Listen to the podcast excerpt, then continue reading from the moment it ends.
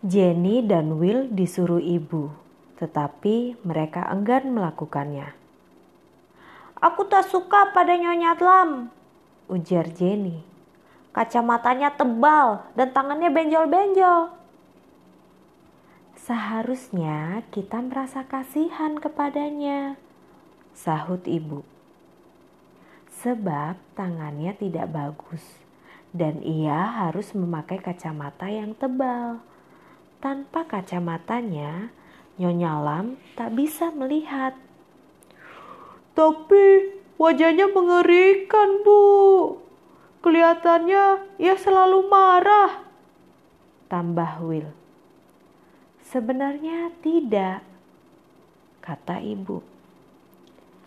Nyonya Lam terlalu banyak berpikir dan hidupnya sangat berat. Kalian tak perlu takut padanya. Pergilah ke rumahnya mengantarkan mantel tuaku ini. Aku berjanji hendak memberinya baju bekas. Mantel bekas itu dimasukkan ke dalam kotak dan dibungkus rapi. Kemudian Jenny dan Will pun segera berangkat ke rumah Nyonya Lam. Sesampai di gubuk mungil yang ditinggali Nyonya Lam, mereka mengetuk pintu. Tetapi tak seorang pun keluar membukakan pintu. Pada saat itu Nyonya Lam sedang berada di halaman belakang rumahnya, menjemur cucian tetapi Jenny dan Will tak mengetahui hal ini. Ah, dia sedang pergi rupanya. Berarti kita harus kembali lagi ke sini. Jenny berkata. Tak perlu, kita masuk saja. Dan bungkusan ini kita letakkan di dalam. Usul Will. Dengan begitu, kita tidak perlu bertemu dengan Nyonya Lam. Aku tetap menganggapnya pemarah, meskipun kata ibu tidak. Pintunya tidak dikunci. Dengan mudah Jenny dan Will membukanya. Keduanya masuk ke dapurnya yang mungil namun apik. Perapiannya menyala hangat dan di atas meja terletak sebuah vas berisi bunga. Di situ terdapat pula sebuah jam kukuk kuno yang sangat nyaring bunyi detiknya. Lihatlah, babi ungu di atas perapian itu. Ujar Will sambil menunjuk pada sebuah babi-babian yang terbuat dari porselen berwarna ungu. Jelek benar rupanya. Aku tak mengerti bagaimana Nyonya Lam tahan melihat babi sejelek ini setiap hari. Ini tabungan, kata Jenny. Bukan, bantah Will. Lihatlah, ini lubang untuk memasukkan uangnya.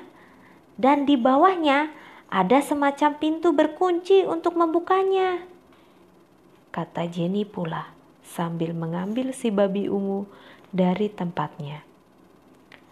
Tiba-tiba saja jam kukuknya berbunyi kikuk empat kali. Suaranya sangat kencang dan membuat Jenny terlompat kaget. Babi ungu yang dipegangnya jatuh. Prang! Babi ungu itu pecah di lantai menjadi beratus-ratus kepingan. Jenny dan Will memandang kebingungan. Uang logam di dalamnya menggelinding ke mana-mana. Cepat! Bisik Will sambil menyambar lengan Jenny. Ayo kita pergi sebelum Nyonya Lam datang, cepat! Jenny dan Will keluar dan berlari ke jalan. Mereka sangat ketakutan. Nyonya Lam pasti marah sekali jika mengetahui babi ungunya pecah. Siapa tahu Nyonya Lam sangat menyayangi babi itu dan bangga memilikinya. Will berkata. Ah, mudah-mudahan saja ia tidak terlalu marah. Will, ujar Jenny tiba-tiba sambil berhenti berjalan. Will, kita melarikan diri karena takut dimarahi, bukan? Tak ingatkah kau kata ibu, kita tidak boleh melarikan diri dari hasil perbuatan kita. Katanya itu pengecut. Pengecutkah kita ini, Will? Will berpikir sejenak. Kau benar, Jenny. Tetapi aku takut menghadapinya. Aku juga takut, kata Jenny. Tapi aku tak mau diriku disebut pengecut. Aku akan kembali. Kau tak perlu ikut kalau kau tak mau. Toh, bukan kau yang memecahkannya. Aku yang bersalah. Masa aku tak mau mengantarkanmu, Jenny? Ujar Will. Will sangat menyayangi Jenny. Oh, mudah-mudahan saja Nyonya Lam tidak marah. Mereka berjalan kembali ke gubuk Nyonya Lam. Kaki mereka gemetar ketika mengetuk pintunya. Tak lama kemudian Nyonya Lam keluar.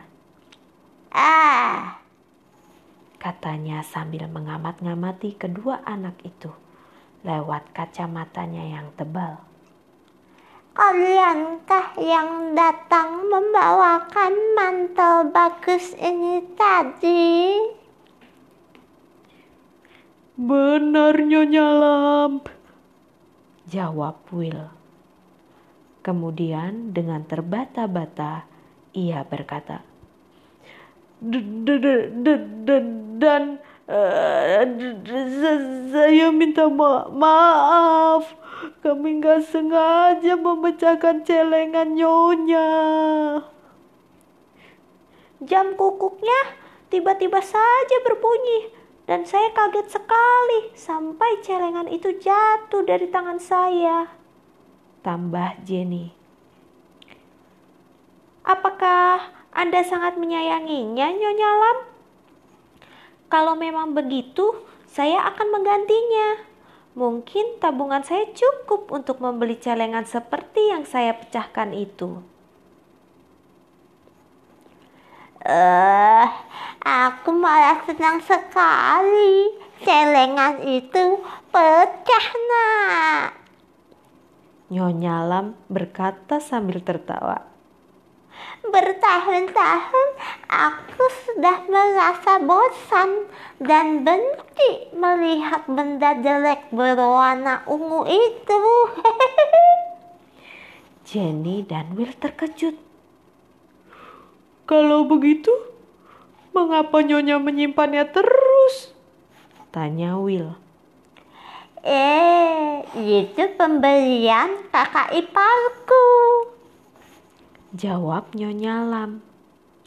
Dulunya babi itu kupakai sebagai tabungan. Tapi lalu kuncinya hilang. Sehingga aku tidak bisa mengambil isinya. Aku tak sampai hati memecahkan celengan itu. Sebab kalau kakak iparku tahu, dia pasti sakit hati dan marah. Kakak iparku pemarah. Aku tak mau dimarahinya. Itulah sebabnya sudah bertahun-tahun lamanya babi ungu itu kubiarkan tanpa guna. Malah uangku yang di dalamnya tak bisa kupakai. Jadi, Anda justru merasa senang dong celengan babi itu pecah. Seru Jenny. Ya, begitulah. Sahut Nyonya Lam. Aku harus berterima kasih kepadamu karena telah memecahkannya. Nah, sekarang tolong diambilin uangku yang tercecer di lantai. Mataku sudah kurang awas. Tidak lagi ada yang sedang kubakar di dalam oven. Aku mesti cepat-cepat mengangkatnya supaya tidak gosong. Jenny dan Will memunguti uang yang tercecer di lantai. Cukup banyak juga jumlahnya. No, Nyonya Lam senang sekali melihatnya. Oh, aku jadi orang kaya, katanya. Dan sekarang aku tidak perlu lagi memandangi babi jelek itu. Oh, kami permisi pulang, Nyonya Lam, ujar Will. Pulang? Jangan terburu-buru begitu. Cegah Nyonya Lam. Minumlah dulu. Aku masih punya sekaleng selai arbe. Kue coklat panas yang baru saja keluar dari oven. Dan biskuit yang sengaja aku simpan untuk menjamumu. Maka duduklah Jenny dan Will di kursi makan Nyonya Lam bersama-sama dengan perempuan tua itu. Mereka menikmati hidangan sore yang lezat. Setelah itu mereka membantu Nyonya Lam mencuci cangkir dan piring. Alangkah manisnya kalian, ujar Nyonya Lam sambil memandang hangat lewat kacamatanya yang tebal. Nah, sekarang Pergilah ke kebun, petiklah bunga untuk ibu kalian. Sesudah itu, kembalilah ke sini. Aku punya hadiah kecil buat kalian. Jenny dan Will berlari ke halaman memetik bunga. Lalu mereka masuk kembali ke gubuk Nyonya Lam. Nyonya Lam sudah menunggu siap dengan hadiah yang akan diberikannya kepada Jenny dan Will. Jenny diberinya sekotak manik-manik kaca yang berwarna-warni. Bila dironce, tentu manik-manik itu akan menjadi kalung yang indah. Will mendapat sebuah mainan anjing hutan yang kecil, terbuat dari kayu. Kedua anak itu merasa senang menerima hadiah dari Nyonya Lam. Oh, terima kasih, mereka berkata. Lalu Jenny menambahkan, Sebetulnya kami tadi bersikap pengecut Nyonya Lam. Kami lari setelah memecahkan celengan Nyonya, takut mempertanggungjawabkan perbuatan kami. Ah, tapi toh kalian kembali, komentar Nyonya Lam. Buatku, yang penting adalah kalian datang kembali dan berani meminta maaf. Aku bangga kalian bisa begitu. Jarang ada anak yang berani datang mengakui kesalahannya dan meminta maaf, tapi kalian lain. Jenny dan Will berpamitan lalu pulang. Oh Jenny, untung ya kita tidak bersikap pengecut, ujar Will. Alangkah malunya kalau kita dikatakan pengecut. Dan lagi, tambah Jenny, kita takkan tahu bahwa Nyonya Lam sebenarnya manis dan baik hati. Bahwa sebenarnya ia tidak menyukai babi ungu itu dan sangat girang babinya pecah hingga uangnya bisa dipakai. Setelah mengenalnya, kurasa kita akan sering ke sana untuk menjenguknya. Lanjut Will. Jenny, Ibu tak pernah salah, bukan? Memang kita tak boleh melarikan diri dari akibat perbuatan kita.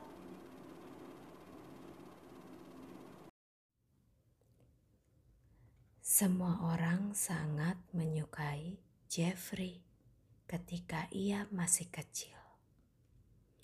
Wajahnya lucu dan tampan, matanya selalu bersinar-sinar ia suka tertawa dan tubuhnya tinggi tegap. Jeffrey suka menawarkan bantuannya kepada siapa pun yang memerlukannya. Biar ku tolong mengeposkan surat itu, katanya. Atau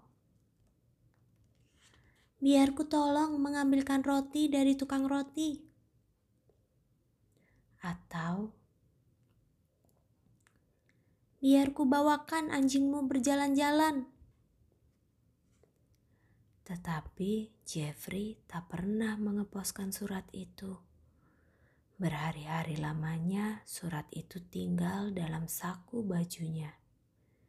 Juga ia lupa mengambilkan roti yang sudah ditunggu-tunggu bibinya.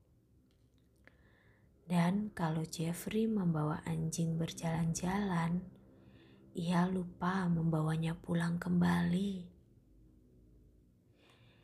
Jeffrey tidak bisa dipercaya, kata orang. Sebenarnya ia anak yang baik, tapi tak bisa dipercaya. Gampang benar ia berjanji hendak melakukan sesuatu, tapi janjinya itu tak pernah ditepati.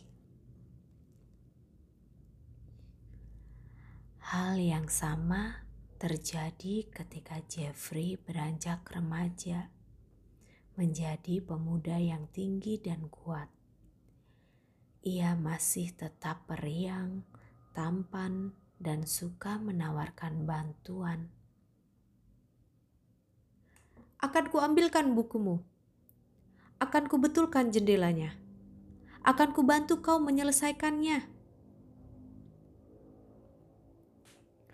Tetapi Jeffrey selalu lupa, dan orang pun mulai mengatakan hal yang sama seperti ketika Jeffrey masih kecil dulu. Jeffrey tidak bisa dipercaya, sebenarnya dia anak yang baik, tapi tidak bisa dipercaya. Setelah dewasa, Jeffrey menjadi tentara Kaptennya sangat menyukai pemuda yang tampan dan periang itu. Kelak, kau harus menjadi pemimpin. Katanya kepada Jeffrey. Kau bisa menjadi kapten kelak. Dan siapa tahu kau bahkan bisa menjadi jenderal.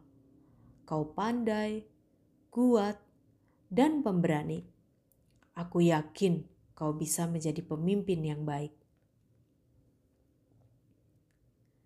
Meskipun demikian, tetap saja orang tak bisa mempercayai Jeffrey. Ia tak pernah melakukan janjinya. Beribu janji diucapkannya, namun jarang ada yang ditepatinya.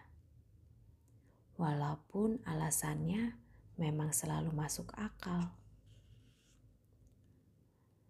Pada suatu hari, negara Jeffrey berperang. Musuh mereka sangat kuat. Negeri Jeffrey dikepung dan hendak direbut.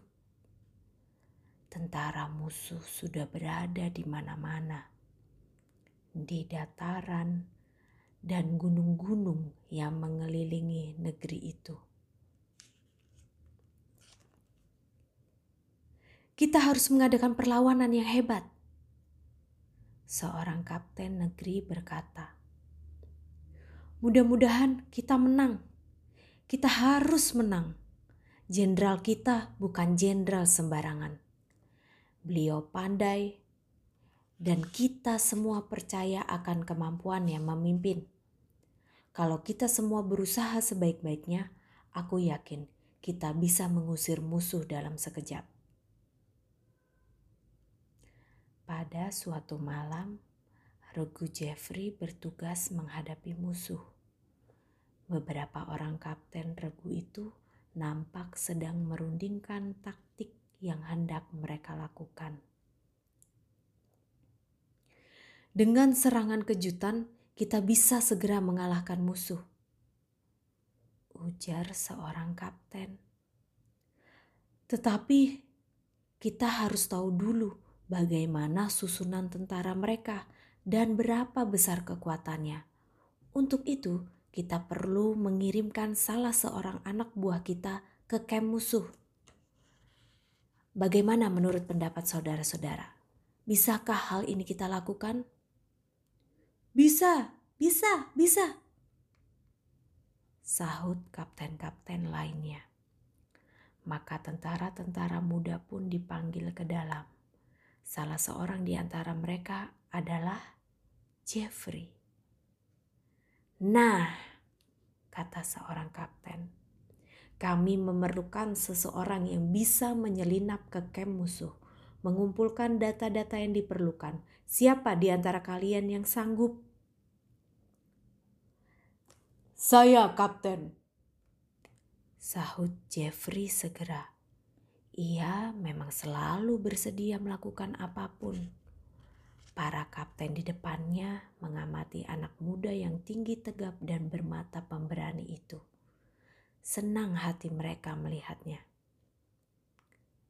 Baiklah, kami tugaskan kau pergi ke kem musuh, kata seorang kapten. Tapi ingat, berangkatlah sebelum lewat tengah malam dan lewatlah jalan di pinggiran sungai. Itu satu-satunya jalan yang aman. Selamat jalan, semoga berhasil. Jeffrey meninggalkan ruang rapat para kapten ia merasa dirinya di, menjadi pahlawan. Tentu saja bukan hal yang sulit buatnya kalau cuma disuruh menyelinap ke kem musuh dan mencari data yang diperlukan oleh para kapten. Malam itu, Jeffrey duduk bermain-main kartu dengan kawan-kawannya. Hari telah menunjukkan pukul 11. Kemudian pukul 11.30 tetapi permainan kartu mereka belum selesai. Tengah malam pun tiba, namun permainan kartu Jeffrey dan kawan-kawannya belum juga selesai. Terlambat sedikit, tidak apa-apa. Pikir Jeffrey. Akhirnya permainan kartu itu selesai. Jam sudah menunjukkan pukul 12.30. Jeffrey segera berangkat. Ia lupa bahwa saat itu bulan sudah tinggi. Tepian sungai menjadi terang benderang olehnya. Hingga bila lewat di situ, Jeffrey akan kelihatan oleh musuh. Sebaiknya aku lewat bukit saja dan mengendap-endap di bawah pepohonan pikir Jeffrey ketika sadar akan hal itu. Jeffrey tak tahu bahwa tentara musuh berjaga di situ, mengamat-amati kalau ada mata-mata memasuki wilayah mereka. Kedatangan Jeffrey dengan cepat mereka ketahui. Kira-kira pukul tiga subuh Jeffrey tertangkap dan ditahan. Ia dibawa ke kem musuh Sementara di negerinya, kapten dan teman-temannya menunggu-nunggu kedatangannya.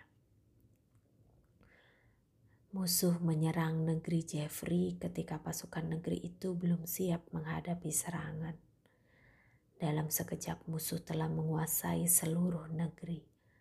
Raja negeri Jeffrey disingkirkan dan raja negeri musuh segera menduduki tahta. Seandainya prajurit muda itu berhasil kembali ke garis pertahanan kita bersama data-data yang kita perlukan, pasti semuanya ini tidak akan terjadi. Bahkan besar kemungkinan kitalah yang menyerang musuh. Aku yakin kita bisa menang dan negara serta raja kita bisa kita pertahankan. Seorang jenderal dari negeri Jeffrey berkata, Tahukah jenderal apa sebabnya? Prajurit muda itu tidak menurut. Ia baru berangkat setelah lewat tengah malam. Pada saat itu bulan telah menyinari daerah di sekitar sungai. Rupanya ia tidak berani lewat situ dan memilih jalan bukit. Padahal kita semua tahu bahwa musuh menempatkan tentaranya di situ. Mengapa kita pilih pemuda itu? Tanya si jenderal.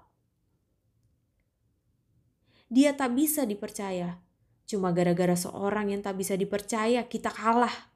Negeri dan raja kita dikuasai musuh. Memalukan. Apakah yang terjadi dengan prajurit muda yang tak bisa dipercaya itu? Ya, Musuh senang melihat tampangnya yang tampan dan gagah. Ia pun segera dijadikan teman oleh mereka. Jeffrey menjadi pengkhianat. Perbuatan yang sangat tercela tentunya. Tapi suatu ketika dulu ia pernah menjadi seorang anak kecil yang disukai semua orang. Hanya saja ia tak bisa dipercaya. Maukah kau dikatakan anak yang tak bisa dipercaya seperti Jeffrey? Tentu saja tidak. Karena itu, marilah kita bersama-sama berjanji dan menepati janji yang kita ucapkan.